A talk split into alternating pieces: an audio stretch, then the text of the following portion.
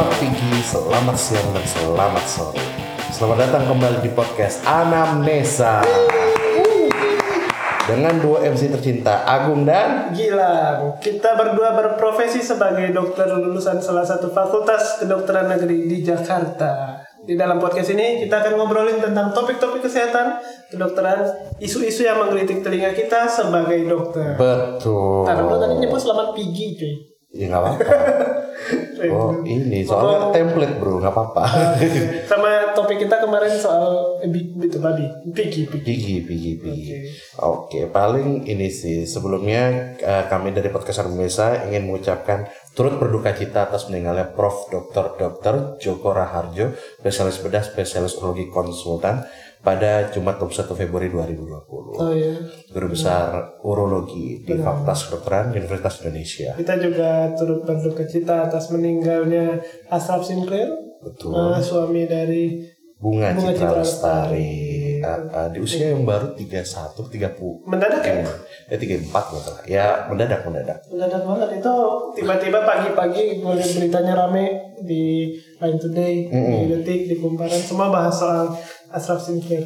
Almarhum memang kayaknya mungkin kan as- serangan jantung kali ya atau stroke. mungkin kita juga nggak tahu yang di mananya penyebab kematian kan memang apa eh, kalau mendadak itu kan memang harus kalau misalnya ininya tidak apa wajar gitu jika memang apa dibutuhkan bisa dilakukan penyelidikan. Iya otopsi. Cuman ya gitu lah itu pilihan keluarga. pilihan keluarga Yang masalahnya penting kita fokus kepada keluarganya semoga keluarga dari Prof. Yang Joko ditinggalkan. dan apa keluarga apa Ashraf Sinclair yang ditinggalkan bisa tabah bisa menerima dan bisa apa tetap da- apa bisa bergabung eh, dengan tenang tanpa diganggu oleh orang-orang. Semoga diberikan kekuatan dan ketabahan Iya. intinya itu iya iya Gimana Waduh, menjadi- kok kita bukanya dari agak gloomy gloomy Iya. iya Gak apa-apa Gimana? di mention aja sekali-sekali iyalah btw gue mau ngomongin ada band baru eh bukan band baru band baru Al- album baru Oh. lu udah denger lu apa tuh album baru dari Green Day Green Day masih ada Iya masih ada. Oh, Tapi gitu. ini apa si judulnya albumnya ini The Father of All MF. MF Iya. oh. Ini gambarnya loh. oh. Jelek banget. anjir mulai ini ya. Kayak Apa, dia ini kayaknya apa? Mencoba-coba hal-hal baru juga. Dia ini gue belum dengar lagunya tapi gue melihat review dari Hmm. apa uh, music critic YouTube Ah. kayak Fantano kita needle drop. Kayaknya kesannya sih nol sih. Sumpah? Sumpah. Ini Beneran. masih personilnya masih si Billy Joel Armstrong itu? Masih, masih, tapi ya dari gambarnya sendiri gue mikir, aduh ini gambar albumnya cantik banget nih, sembarangan bikin banget nih. Ya, terakhir, terakhir tuh 21 Guns kan? Ya 21 Guns. albumnya itu lagu itu kan dipakai soundtrack sih? Film kan? Ya, gue gua nggak terlalu tahu, tapi kayaknya sih soundtrack film. Iya. Transformer apa apa gitu.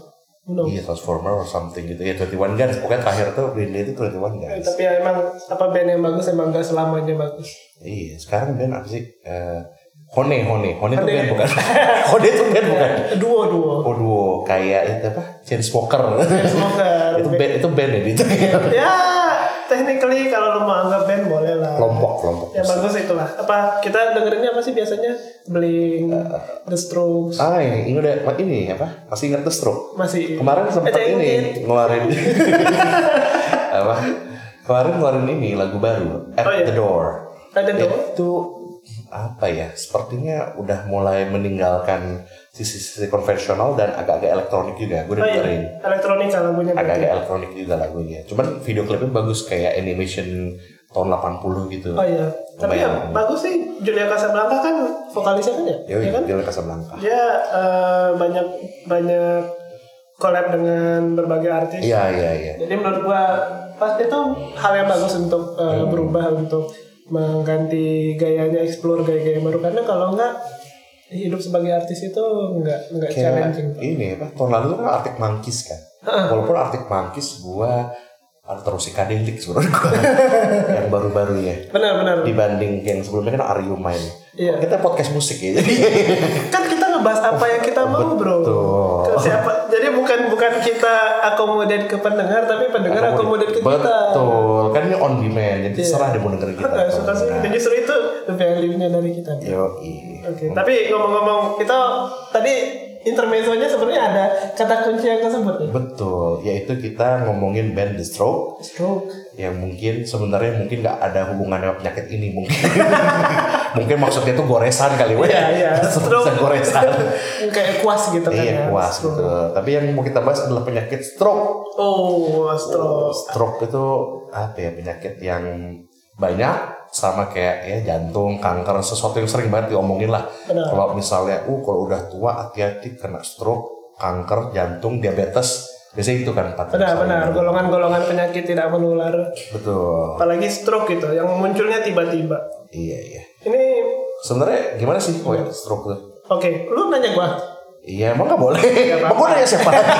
Kita ngomong berdua doang, gue. Kalau friend. Iya. Tapi ya, Kau nanya siapa lagi, gue? Gue sih apa lumayan lumayan ngerti soal stroke dan menurut gue semua dokter Indonesia minimal tau lah apa secara secara detail untuk definisi stroke. Iya. Stroke itu artinya, aduh gue takutnya salah nih. Iya, iya, iya. Apa stroke itu sebenarnya kondisi yang gangguan apa gangguan neurologi vokal atau global jadi tergantung bagaimana antar apa bisa vokal atau global yang berkembang cepat mendadak dan berlangsung selama 24 jam atau lebih. Hmm. Nah ini bahayanya ini karena ini termasuk termasuk life threatening disease. Life threatening disease di mana sekalinya orang kena stroke ada risiko kematian. Nah ini kita mesti point out yang tadi definisinya bahwa dia berlangsung selama 24 jam. Hmm. Karena yang menyebabkan gangguan defisit neurologi apa defisit neu- neurologi vokal atau global itu nggak cuma stroke. Bisa bisa apa kalau mau definisi penyakit yang istilahnya lebih ringan dari stroke misalnya TIA, transient, TIA, ya, transient betul. ischemic attack. Atau kalau kita mau ngomongin soal gangguan neurologi, epi- epilepsi juga dibilang sebenarnya gangguan defisit neurologi vokal atau global juga.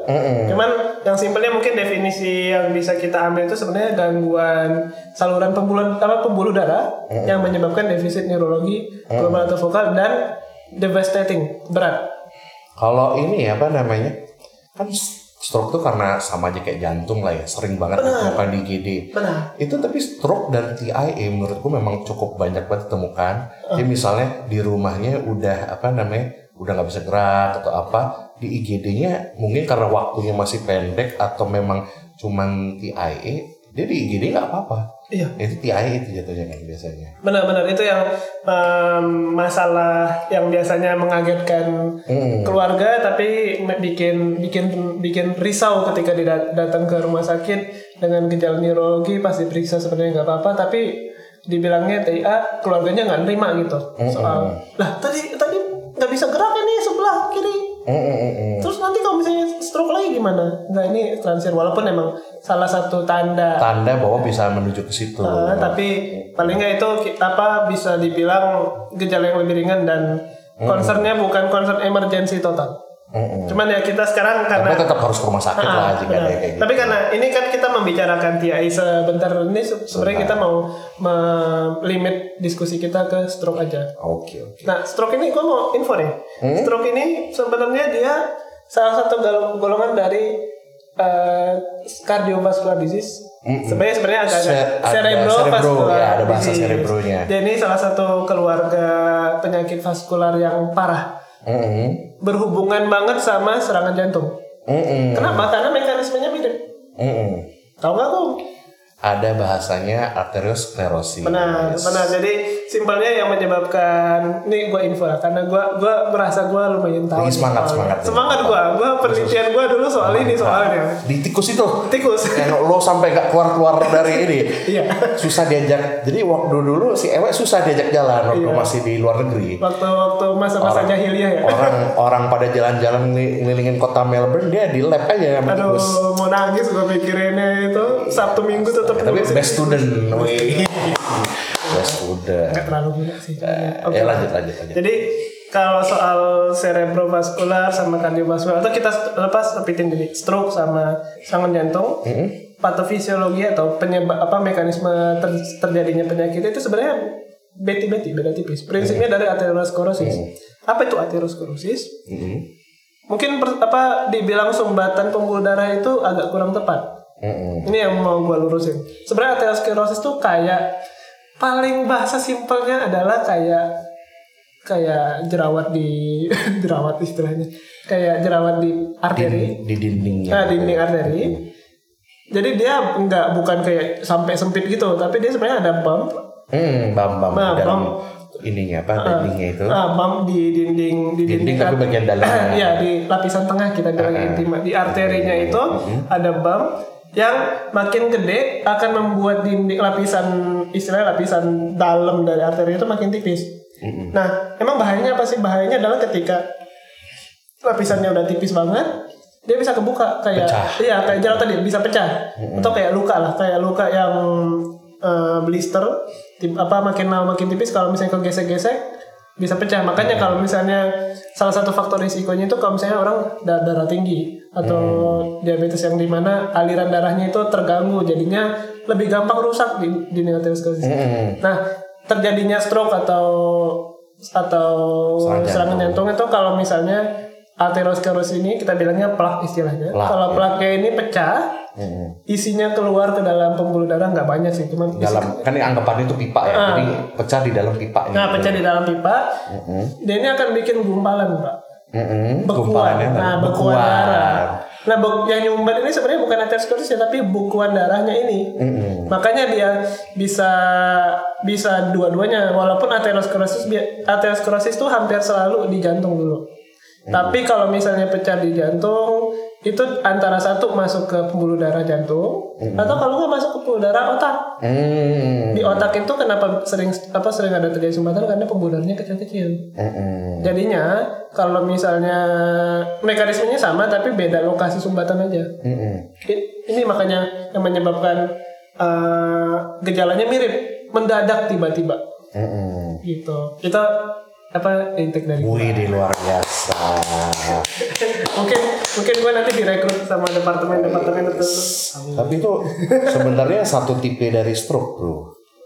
Ada satu lagi. Benar, benar. Apalagi emang tipenya ada apa aja sih kok? Jadi tadi kalau yang dokter Gilang sebutkan itu namanya jenis stroke iskemik. yes, apa itu iskemik? Iskemik itu berarti dia gangguan terhadap suplai eh, apa namanya Darah, darah. perfusi gitu. Ah, ah, hipoperfusi. Hipoperfusi. Ah, ah, kurangnya perfusi perfusi itu ya itulah susah banget. susah banget dari tadi. Bung ah, Jadi karena adanya sumbatan yang tadi yang dokter Ewe jelaskan, jadinya eh, apa gangguan dari ini penyaluran eh, nutrisi, oksigen yang dibawa oleh darah, ya gitu. Tipenya Tapi itu tipe sebenarnya tipe yang paling umum juga. paling umum benar. Stroke iskemik. Tipe kedua adalah stroke perdarahan atau hemorrhagic stroke bahasa Inggrisnya. Itu adalah ketika pembuluh darahnya bukan mac, bukan macet ada yang apa namanya? Bukan Bukan macet ada yang sumbatan. nyumbat, tapi pembuluh darahnya pecah. Oh ya benar. Mm-mm. Jadi esensinya dua-duanya sama-sama bentuk hipoperfusi, tapi satu darahnya nggak ada, satu lagi darahnya ngelebar. Ngeleber. Nah, ngeleber itu bukan masalah dia ngeleber apa namanya? Ngeleber terus toto hilang kayak apa ya? Air masuk ke dalam apa namanya? Air masuk ke dalam pipa pembuangan enggak. enggak. Dia ngeleber terus membeku, menggencet semua ruangan di dalam otak. Iya benar. Karena kan di otak itu kalau kegencet gitu bisa uh, ruang-ruangnya tertutup, Iya. otaknya kegencet, Apa kata lo istilah kemarin itu sempat keseimbangan. Ada yang namanya keseimbangan? Monroe Kelly. Asik, Pak dosen. iya, Keseimbangan Monroe Kelly itu jadi sebenarnya keseimbang. Jadi itu di otak itu ada sebuah keseimbangan antara ruangan otak, cairan otak dan uh, massa otaknya pas. dan tulangnya dan tulangnya Tulang, juga. iya. Ah, ah. Nah, kalau keseimbangan itu apa terganggu akan terjadi yang namanya uh, simptom-simptom peningkatan tekanan intrakardial Iya, tekanan dalam otaknya sendiri, dalam tengkorak ya. dalam tengkoraknya. Jadi itu kalau dari kata lo emang bahaya dari stroke yang terutama hemorragik itu adalah tekanan intrakranial yang men- meningkat. Betul. Iya benar sih bahaya. Dan itu emang. bahaya. Dan memang sebenarnya yang lebih banyak meninggalnya itu memang yang hemorrhagik. Tapi seberapa banyak nih apa yang hemorragik sama iskemik perbandingannya? Nah, kalau sesuai data yang saya dapat, itu mestinya kalau mana dia?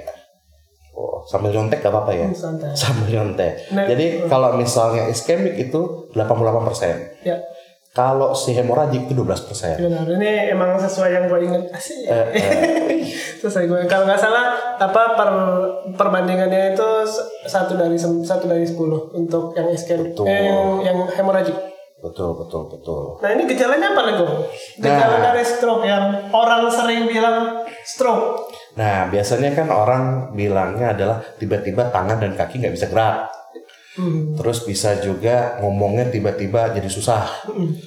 Terus itu mendingan kita kelompokin langsung aja. Ya. Ini menurut pedoman pengendalian stroke dari Kemenkes tahun 2013. Kalau misalnya mau Google atau ini apa namanya download uh, PDF-nya, pedoman pengendalian stroke dari Kemenkes, Baik. keluaran dari tahun 2013. 2013. Ini ada uh, suatu apa ya bahasanya sih jembatan keledai ya? Ya, Segera KRS yaitu S pertama senyum yang tidak simetris, Benar. senyum bengkok, Ya. ya itulah. muka pelok gitu. Ah. Lalu G kan sege gerak anggota tubuh yang melemah atau tidak dapat gerakan secara tiba-tiba. Yes. Itu biasanya lebih seringnya tuh misalnya tangan kanan kaki kanan, Ah. kanan kiri kaki kiri, seringnya kayak gitu stroke. Lalu ra kan segera, suara yang pelok, parau atau menghilang. Hmm. Lalu abis itu ke, ke itu kebas. Jadi selain nggak bisa gerak, gangguan sensori atau gangguan saraf-sarafnya juga hilang. Jadi berasa kebas atau baal. Lalu abis itu R, R itu rabun atau gangguan kelihatan. Hmm. Lalu S sempoyongan, vertigo atau pusing berputar.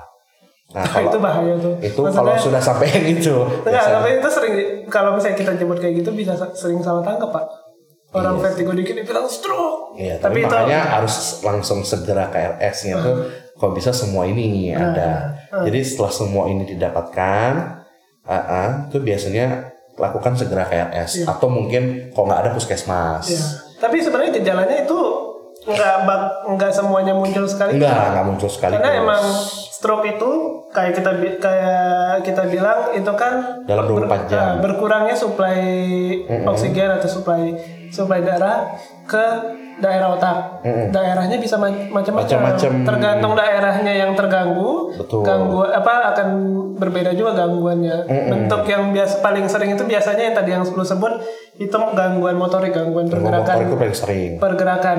Yang khasnya adalah sebelah doang. Sebelah doang. Jadi kanan, kanan, kanan semuanya. Nah, kanan semuanya atau misalnya muka sebelah muka semuanya dan apa biasanya buka apa mendadak mendadak banget tiba-tiba lemes. Atau nggak berasa? Pengalaman gue tuh paling sering biasanya lagi mandi. Gue tuh truk. Oh iya? Iya, itu paling sering kayak gitu. Kalau pasien yang selama ini gue alamin, kalau nggak lagi mandi atau pagi-pagi baru bangun, kok nggak bisa gerakin. Atau mandi. Atau pokoknya kayak tiba-tiba aja. kenapa ya? Kenapa kayak gitu?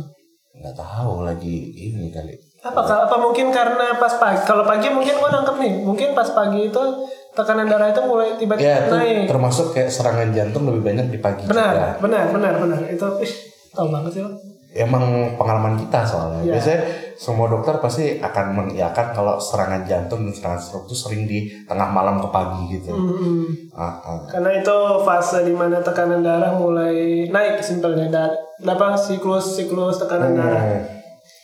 Saya kira kayak gitu. Hmm, benar-benar. Kalau di Indonesia ini lucunya ada beberapa beberapa mitos ya. Betul. Ini uh, ini apa namanya? Salah satu situs berita yang kita suka, detik.com Detik.com. sudah merangkum mitosnya apa aja. Oh iya.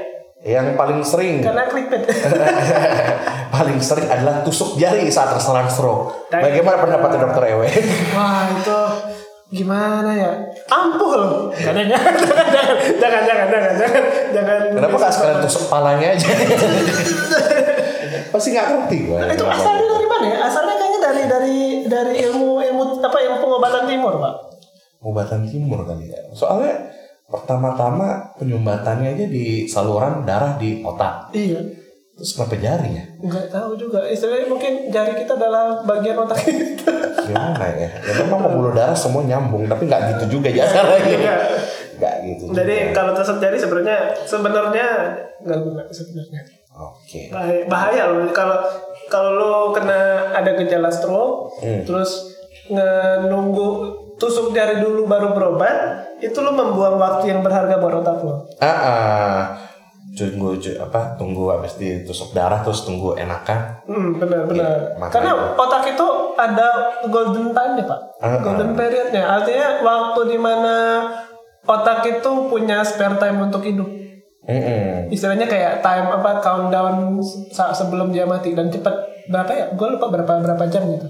cepet deh pokoknya Cepat. nah itu juga poinnya kenapa kalau misalnya memang rada telat stroke itu menyebabkan bekas Mhm. yaitu menjadi eh, nggak ya misalnya habis stroke pasti tangannya tetap jadi lebih lemah daripada yang kiri Benar. misalnya kena kanan yang kanannya tetap lemah Benar, gitu benar. Kita bilangnya itu akan menyebabkan sequela kan. sequelnya gitu Nah, jadi itu mesti diperhatiin tuh kalau misalnya stroke. Kenapa orang heboh soal stroke adalah karena bukan karena bukan cuman karena dia berhubungan sama mati sama Ah, ah. hidup, tapi karena dia berhubungan sama kecacatan. kecacatannya jadinya gangguan fungsi hidupnya berkurang orang biasanya dia bisa nyetir jadi nggak bisa nyetir dong orang Iya. Kanannya nggak bisa yang ngegas ya apa atau segampang pakai baju deh. Pakai baju kan susah kok kanan Nanti ini kita bahas ya di bagian akhir nih kan, karena ini menurut gua hal yang kita perlu kita perlu diskusiin lebih dalam. boleh boleh. Kita masuk ke artikel lagi ya, Iya, nomor dua Nomor cuci otak untuk tanggal stroke eh Oh, ntar aja itu. Ntar aja itu. Ntar aja. ya, ini nih. nomor tiga dulu. Orang kurus tak mungkin kena stroke gimana weh Nah, kita ngomong apa Astaga. asraf singkir aja. oh iya Dan ini kan hubung- hubungannya kalau kita bilang memang kalau misalnya berat badan berlebih itu termasuk faktor risiko penyakit Hmm. penyakit metabolik metabolik eh, tinggi termasuk stroke juga tapi itu risiko bukan eh, bukan penyebab Hmm. Betul. artinya kalau kalau dibilang pasti juga enggak Mm-mm. oke okean ujung-ujungnya ya se- apa ada pencegahannya tapi Tuh. Belum tentu orang itu selamat dengan bilang kurus Oke. Nomor 4, siram kepala saat panas bisa menyebabkan stroke. Kan- jadi maksudnya maksudnya orang pak anak lagi eh, orang Kalau lagi kepanasan, lu sering-sering nyiram kepala lu saat panas itu lama-lama stroke. Kayak ini loh, apa sih namanya? Kalau lu mandi malam-malam kena paru-paru basah yang mitos-mitos bodoh gitu. Anjir. Enggak lah, enggak ini ini ini ini enggak guna, enggak apa, enggak enggak ada artinya. Jadi maksudnya ini ini kayaknya bentuk kayaknya ini iklan untuk pemanas air. Ya, ini juga sebenarnya ini sih. Karena pengetahuan yang orang awam tahu adalah stroke itu seperti apa ya? Karena panas itu nanti mungkin uh, tekanan darahnya meningkat, terlama-lama Iya. stroke. Itu kan berarti pengetahuan yang cuprit doang. Iya. Padahal kan sebenarnya kan masih ada faktor hipertensi, ada faktor aterosklerosis yang orang awam kalau kita jelasin mungkin agak lama nangkepnya. Benar, jadi emang knowledge gap di antara orang awam sama informasi ini. Jadi ya benar emang tujuannya makanya kita lurusin Mm-mm. siram kepala saat panas itu nggak membuat stroke. Bisa stroke juga. Terus ini juga nomor 5 terakhir stroke hanya dialami oleh lansia. Nah ini gue nangkep kenapa dibilang kayak gitu. Hmm. Karena dibilangnya stroke itu emang penyakit yang eh, penyakit tidak menular istilahnya penyakit akumulatif. Stroke itu istilahnya eh, akumulasi dari atero- aterosklerosis. Hmm. Aterosklerosis itu berkembangnya lama. Lama banget dia sampai Iya, iya, iya, 30 sampai 40 tahun. Jadi dari umur apa dia mulai developnya karena gua tahu nih. Iya iya iya tahu tahu. Dia mulai Gue juga develop tahu, lesi, gue juga sekolah, lesi awal dari aterosklerosis itu munculnya umur belasan. Jadi bentuknya itu fatty streak di dalam arteri, tapi kita nggak mungkin tahu, nggak mungkin ngecek. Nah dia mulai apa de- deposisi dari plaknya itu ukurannya menahun. Semakin banyak orang apa intake in- apa intake makanan-makanan berlemak dengan gangguan apa dengan semakin lama orang menderita gangguan pembuluh darah termasuk hipertensi apa diabetes semakin cepat juga progresinya tapi bukan berarti dia dalam satu tahun muncul Mm-mm. lama Nah, pet. Nah itu lumayan yang gue pengen ngomong juga. Jadi intinya tuh semua penyakit yang hubungan dengan metabolik, mau dia sakit jantung, sakit stroke, Hmm. dia- diabetes, itu kan hubungannya sama lifestyle dari muda mungkin bahasanya. ya Lo makannya gimana, lo olahraganya gimana. Nah, ini juga ada poin yang gue inget. Misalnya kan lo udah apa namanya lo udah kena nih kolesterol tinggi. Ini paling gampang kan kolesterol tinggi atau gula apa namanya tensi lo udah tinggi. Paling paling gampang kan gitu. suka ada obat-obat yang eh, obat-obat di luar kedokteran ya Iya. alternatif yang bilang bisa menurunkan dengan cepat kolesterol. Nah, itu yang mau gue lurusin. Ini adalah proses yang sudah lama terjadi. Jadi obat-obat instan seperti itu biasanya tidak ada efeknya. Benar. Ini bukan sekedar lo kayak obat flu, flu lu hilang gitu loh. Karena ini penyakit yang sudah merusak tubuh lo. Ya, ini kayak penyakit maraton sebenarnya. Mm-mm. Lo bukan penyakit bukan penyakit pilek yang tiba-tiba datang bisa sembuh tiba-tiba. Dan gua mau ngomongin soal kolesterol sedikit soal yang Gak apa-apa, ini suka-suka kita. Jadi aduh Dut, apa kalau kolesterol dibilangnya agak OT dikit orang bilang orang biasanya kalau berobat ke puskesmas atau berobat ke dokter bilang pegel-pegel ngomongin oh ini Ah, kolesterol. iya, iya, iya. itu itu telinga gue itu gatal tiap kali denger itu tapi Iya, nggak bisa ditunjukin ke pasien. Cuman gue gatal aja dengernya. Kenapa? Karena Mm. kolesterol itu nggak bikin gejala pak. Hiperkolesterolemi itu nggak ada gejalanya. Eh, gue udah ngecek ke dosen-dosen kita udah dan ada- udah ada apa simposium bukan simposium seminar-seminar dari apa berbagai departemen ngomongin soal kolesterol myths dari kolesterol kalau misalnya penurunan kolesterol itu mengurangi gejala enggak kolesterol itu sebenarnya adalah faktor risiko Mm-mm. faktor risiko dari penyakit kardiovaskular. Dia nggak menimbulkan gejala, tapi dia meningkatkan risiko. Mm-mm. Jadi bayanginnya kalau misalnya orang koles apa kolesterolnya tinggi, itu kita bukan bilangnya oh ini apa bakal pegel-pegel atau bakal darah tinggi, tapi pak- dibilangnya ada risiko meningkatkan kejadian kardiovaskular. Kardiovaskular. Intinya makin apa makin cepat juga ada makin cepat juga kemungkinan kena penyakitnya. Jadi lo bilang makan obat sat- yang mau gua dibang itu satu makan obat kolesterol tuh bikin apa bikin pegel-pegel enggak. Enggak. Itu placebo namanya. Biasanya orang habis ngangkat apa biasanya ibu-ibu rumah tangga yang nggak ngangkat-ngangkat barang tiba-tiba ngangkat barang itu ototnya doms. Iyalah doms. Apalagi tuh dom. Ntar, Baru lagi. ntar kita bahas. Nah, myth kedua adalah obat kolesterol itu makannya itu seminggu doang. Hmm, enggak obat kolesterol tuh. Oh ya udah besok seminggu kita cek lagi. Iya. Ya udah nggak usah lagi. Iya itu Sama dengan obat darah tinggi. Biasanya gitu juga tuh. itu salah, salah karena kalau obat kolesterol itu sebenarnya shortcut untuk menghil apa untuk mak- untuk makan sehat gitu simpelnya. Jadi dia Iya. mengurangi penyerapan kolesterol. Betul. Tapi cuman pada saat makan makan obatnya doang, ah, dan harus diimbangi dengan gaya hidup. gaya hidup. Ibaratnya lo tuh rusak karena gaya hidup lo. Lo harus balikin diri sama gaya hidup lo juga. Bukan sekedar oh ya ini nih. Gue mau ngasih lihat ini we. Jadi bulan lalu ya, eh ini Januari berarti. Ada orang nge-share terapi buang darah nurunin kolesterol. Hah? Nih, lihat lihat bro, lihat bro. Kayak gini bro beritanya bro. Oksigen. Nah, kayak gini. biar Jadi ngeluarin darah. Jadi ngeluarin darah ini katanya darah kotor, penuh kolesterol katanya. Wah. Ditaruhnya di koran kayak gini. Wah ini kita mesti bahas alternatif sih. Aduh, itu. Nah, yang lucunya ini kan grup grup ini, grup hobi gue kan. Ah. Grup hobi gue. Terus dia kayak, oh tuh lu lihat bro, apa namanya dia nge-share tuh apa? Kalau misalnya darahnya kotor tuh berarti glukosidnya tinggi, hitam hitam katanya. Tapi darahnya kayak plastik gitu. Jadi darah hitam itu apa tuh? Aduh, darah hitam itu. Darah terkutuk ya dong. darah terkutuk kayaknya. Apa namanya? Blood, curse blood. Aduh. Pure blood. Tapi Oh. ya itu emang apa emang selalu seru ngomongin itu. Nanti kita bikin chapter bukan chapter, episode membahas alternatif. Betul. Gua orang gua orangnya gua pengen mengembrace semak apa sebanyak banyaknya terapi yang beneficial buat pasien. Tapi gua juga pengen mengklarifikasi jangan sampai orang pasien-pasien itu atau keluarga kita, teman-teman kita itu kemakan hoax yang sebenarnya gak guna atau bahkan membahayakan diri itu diri mereka Oke sendiri. oke. Mungkin kita setelah ngomongin mitos kita coba lihat berapa sering sih stroke di Indonesia. Oh ya, lu ada laporannya nih, Bung. Sumbernya dari mana, Bung? Riskes Das, riset kesehatan dasar Kita- yang selalu kita bacakan mungkin Benar, kita penyakit. menggunakan menggunakan informasi resmi. Yoi. Jadi kalau misalnya kita ngelihat prevalensi stroke, kalau di Indonesia itu kan ya sebenarnya cuma apa namanya dibilang adalah 10 per mil. 10 persen. 10 per mil itu berapa berarti jadi? Satu per satu, sepuluh per satu, satu dari seratus ribu. Yoi, betul. Eh per mil per mil Per, mil, bukan per seribu dong. Iya, per seribu. Per seribu.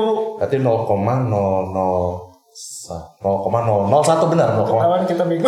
kalau satu persen 0,01 Ya. per menit kan 0,001 Iya benar. Jadi satu dari seribu. Satu dari seribu. satu ratus ribu Eh, eh. nah yang agak eh, nge- malasnya ini adalah dia di Deskesdas membilangin soal eh, bagaimana orang-orang yang stroke kontrolnya gimana nih jadi kontrolnya dihitung orangnya rutin nggak kadang-kadang doang atau tidak menyesalkan ulang di Indonesia itu rata-rata pasien stroke hanya 39% yang rutin kontrol berarti stroke. empat dari sepuluh orang. 4 dari 10 orang rutin kontrol stroke. Hmm. Padahal eh, kan seperti yang kita bilang adanya sequelae atau si cacat-cacat yang tidak bisa geraknya itu Heeh. itu kalau kita tidak apa ya namanya tidak kontrol ya mau kapan ininya balik ke fungsi apa namanya fungsi eh, sebelumnya. Eh, tapi ini nih, gue emang prihatin pada kondisi sekarang. Hmm. Kalau misalnya lu pas internship atau lu sebagai orang puskesmas, Hmm. lu bakal ngelihat kondisi-kondisi ketika lu home visit pasien-pasien yang kena stroke akhirnya cuma tidur doang. Iya. Itu sedih karena itulah efek samping dari stroke. Efek samping sebenarnya justru inti dari F, apa inti dari stroke yang pengen kita cegah ketidakmam ketidakmampuan orang untuk ber, Berfungsi. jadi iya berfungsi jadi mandiri akhirnya dia jadi totally dependent sama keluarganya sendiri Lu bayangin misalnya apa lagi home visit terus datang di pojok kamar ada kasur yang pas kita lihat ada ibu bapak-bapak yang tiduran doang apa pas kita datang ngelirik ngelirik doang nggak bisa apa nggak bisa nggak bisa duduk. Padahal tadinya dia tulang punggung keluarga sekarang anak-anaknya mesti ngebiayain dia dan dia ini cuma bisa tidur doang. Lu tau, nah, lu tau istilah itu kan? Catastrophic disease. Heeh, Nah itu salah satunya mungkin bisa dibilang stroke juga. benar. Kayak lo tiba-tiba hidup apa sih namanya keluarga menengah. Heeh. Oh hidup enak. Maksudnya menengah tuh ya oke lah. Hidup tenang gitu Hidup kan? tenang lah ya. Ideal. tabungan cukup. Heeh. tapi karena tabungan cukup dan tidak tahu kalau tiba-tiba lu sendiri tiba-tiba kena stroke truk, tabungan lu tiba-tiba truk terkuras aja untuk pengobatan pertama untuk apa namanya kontrol-kontrol selanjutnya. Hmm. terus juga pasti ada satu anggota keluarga lo yang jadi nemenin si yang sakit ini. Benar benar. Jadi burden itu nggak cuman sekedar di uh, si pasiennya, tapi juga bahasanya harus memikirkan costnya juga. Heeh. Karena itu uh, kita harus tahu pencegahan stroke, bro. ya gimana tuh pencegahan stroke ini Sebenarnya pencegahan stroke tuh ya germas lagi balik lagi. gerakan masyarakat Sehat, sehat berolahraga, makan seimbang yang bergizi. Jadi intinya mungkin paling gampang juga apa namanya garam dikurangi. Tadi kan minggu lalu kita sudah sempat bilang yang garamnya apa namanya garam cuman ada satu sendok teh per, orang per hari. Heeh. itu memang gue mesti ngasih tahu juga tuh soal pencegahan eh, stroke. Stroke itu me- sebenarnya pe- pencegahan pencegahan stroke ada pencegahan pencegahan penyakit awalnya. Dan kalau kita omongin statistik kan emang paling sering adalah aterosklerosis Mm, aterosklerosis faktor risikonya kita jadi pena- penalaran logis ini ya. Mm, Faktor risiko dari aterosklerosis emang benar kolesterol ya, Mm-mm. tapi yang lebih penting lagi adalah penyakit-penyakit yang mempengaruhi pembuluh darah. Yaitu Yaitu satu darah tinggi. darah tinggi. Kenapa pe- pengaruhnya dia menyebabkan menyebabkan aliran darah lancar simpelnya. Mm, Gua aduh kata-kata itu kayak eh kurang kurang pas tapi mau Kurang gimana pas. lagi pak? Dia ada hipertensi.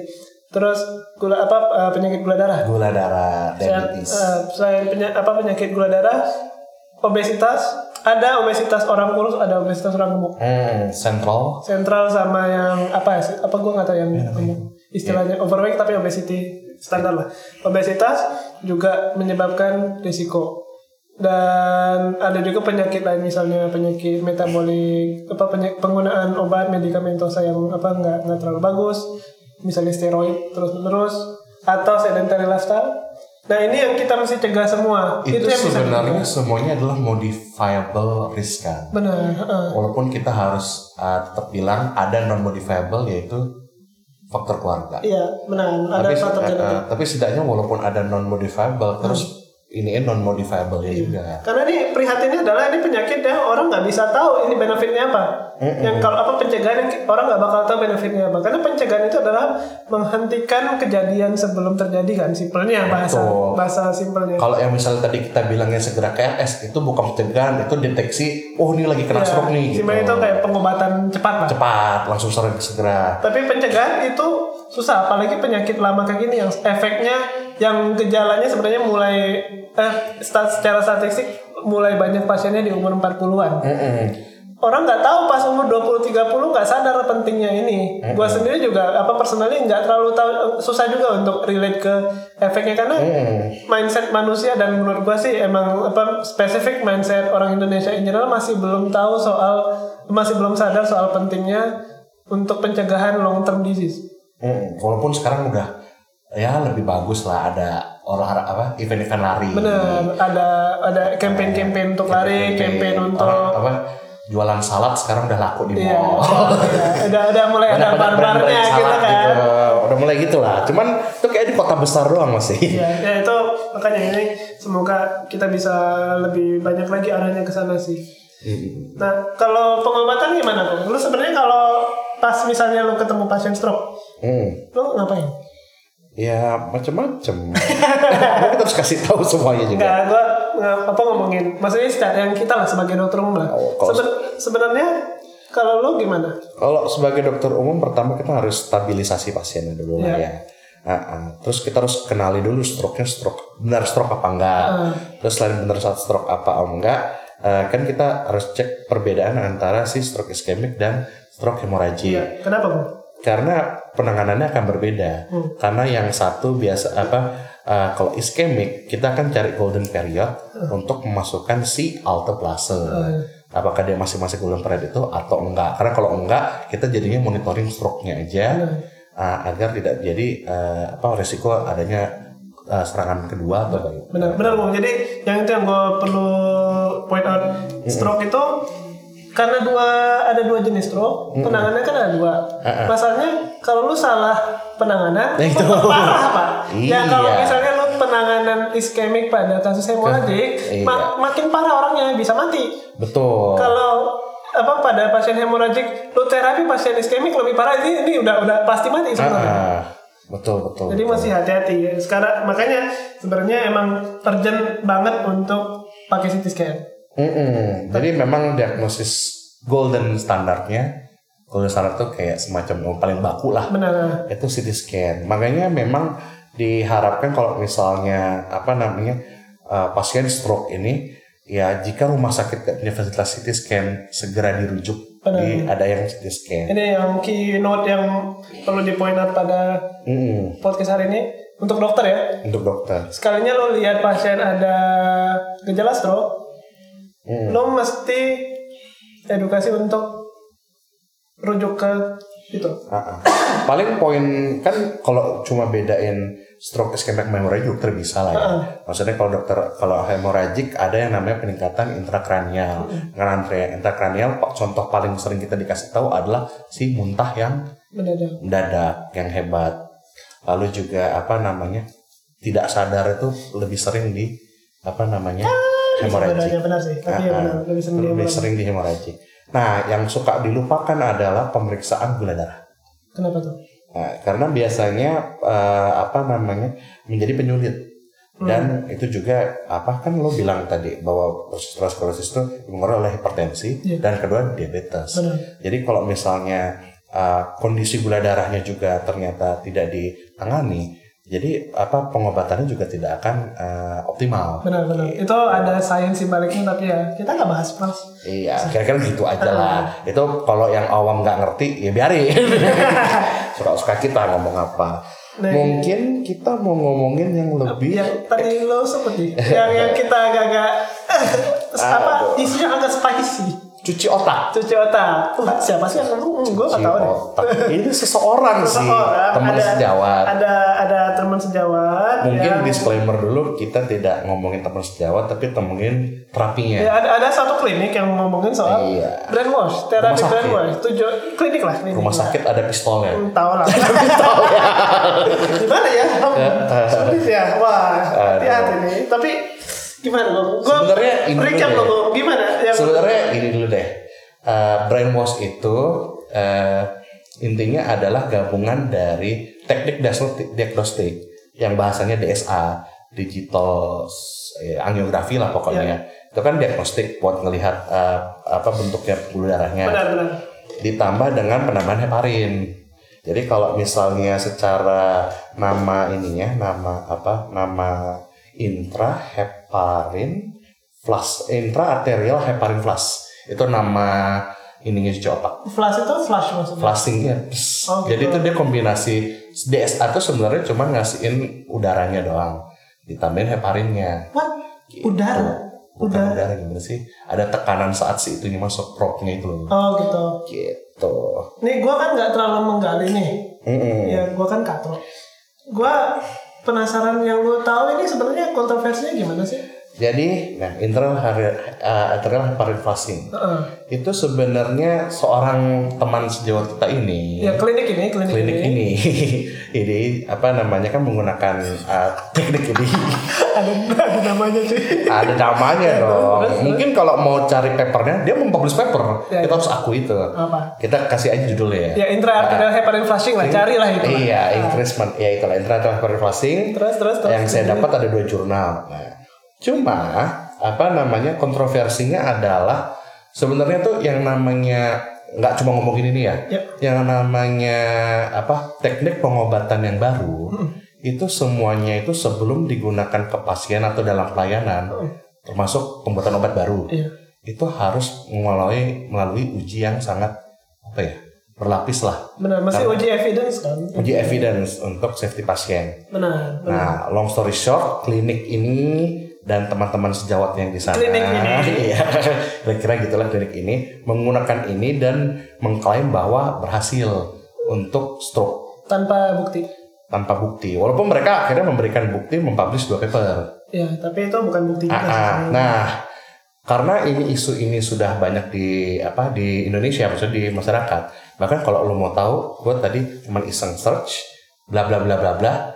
Uh, Straight Times, lo pernah denger koran Straight Times kan? Tahu. Singapura Ah, membahas itu juga. ah, Karena sampai orang Singapura juga, anjir apaan nih? ada ada. Ah, ah. Ini nih gimana ya? Gue mikirnya ini yang menyalahi etika sih. Nah, kalau ngomongnya soal itu, Kemenkes Ya. waktu menterinya belum yang sekarang. Iya, pas eh, sebelum Ibu sebelum Nila, kalau ini nggak apa-apa sebutin nama Ibu. Nila, itu membuat satgas, satgas untuk uh, brainwash ini, investigasi ini. investigasi brainwash ini. Dari situ Nah, hasil dari satgas tersebut menyatakan sebaiknya pelayanannya itu dihentikan dulu. Nah, ini pun di- dirangkum oleh Tirto dan Tirto yang nge-share ininya. Terus Jadi gimana? pokoknya kalau Bacanya. lo mau baca Tirto intrik dan membelokkan hasil satgas metode cuci otak bla bla bla. Kira-kira itu. Jadi eh, apa namanya dari hasil satgas itu poin pertama adalah kesimpulannya pertama belum ada bukti ilmiah menjadi dasar praktik IAHF intraarterial heparin flashing untuk tujuan terapi. Iya. Kedua, tidak selaras dengan etika kedokteran. Ketiga, berpotensi melanggar berbagai undang-undang. Keempat, standar kompetensinya belum disahkan oleh Konsul Kedokteran Indonesia. Jadi rekomendasinya pen, pen- penghentian IAHF. Iya, iya. Tapi uh, setelah nyampai ke dalam, ya sebenarnya sudah uh, kan itu kan baru rekomendasi. Yang menentukan kan Kemenkes pada zaman itu. Iya. Kemenkes zaman itu menyatakan berikan surat nomor bla bla bla bla bla di berita itu ada bahwa boleh tetap dilakukan dalam rangka penelitian berbasis pelayanan. Jadi intinya sekarang adalah masih boleh dilakukan karena itu adalah penelitian berbasis pelayanan itu surat Kemenkes. Gue ngebayangin ini- ini sebenarnya pembelot apa pemanfaatan posisi. Tapi tetap gue nggak tahu nih. Gue nggak dalam membahas ini. Tapi kalau gue sebagai praktisi yang melihat isu yang muncul, Mm-mm. gue ngebayanginnya ini problem yang ribet untuk ditangani orang oleh orang luar karena gini ini kan terapi untuk stroke ya, untuk Mm-mm. ini kan, untuk stroke di mana satu ini kliniknya ini klinik gede, Sangat besar. ya susah buat dia apa-apain. Eh. Yang kedua, ini pasiennya ini mau Mm-mm. dan ini sebenarnya kayak gue ngebayangin ini sebenarnya memanfaatkan kondisi apa memanfaatkan situasi pasien di mana kalau biasa kalau kita ngomongin stroke pasien di mana stroke ter- terkena debilitating apa sekule sekule Mm-mm. dia akan mencoba berbagai hal untuk untuk sembuh Sam- Terma- a- sama kayak alasan penggunaan alternatif Betul. dan ini bawa nama kedokteran soalnya Mm-mm. bawa nama klinik istilahnya ini ini bawa nama klinik yang notabene bukan alternatif. Jadi istilahnya lo menggunakan kondisi pasien yang bilang mereka setuju untuk melakukan terapi terapi ini dengan background bahwa pasien ini sebenarnya eh, pasien eksperimen. Mm-mm. Nah, sebenarnya sih kalau pandangan gue ya, kan sebenarnya keputusannya sudah eh, Kemenkes yang dahulu menyatakan ya sudah ini namanya pelayanan penelitian berbasis pelayanan.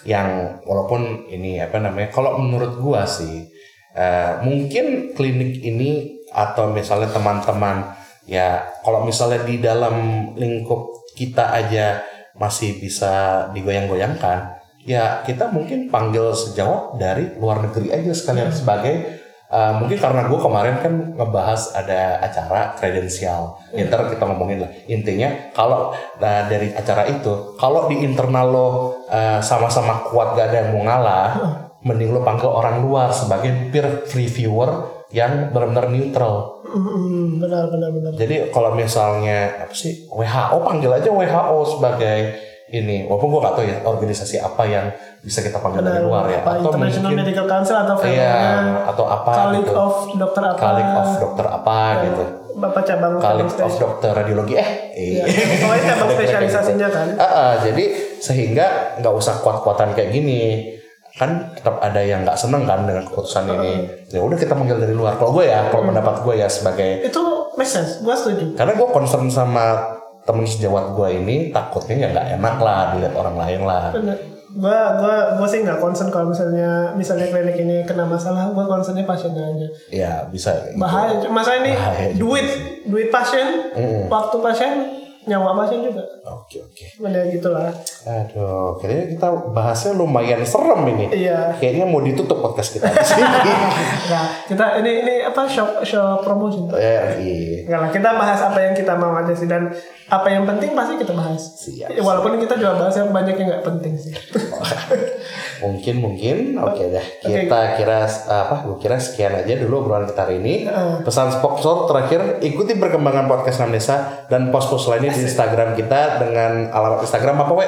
At anamnesa underscore. Ya benar. Kita juga minta untuk pendengar sekalian untuk mendengarkan episode sebelumnya, episode-episode podcast yang kita sudah rekam untuk pembicaraan yang kadang santai, kadang berat tapi emang selalu seru di streaming service pilihan pendengar. itu Ya? opini sendiri ya selalu seru ya Oh enggak, itu bukti.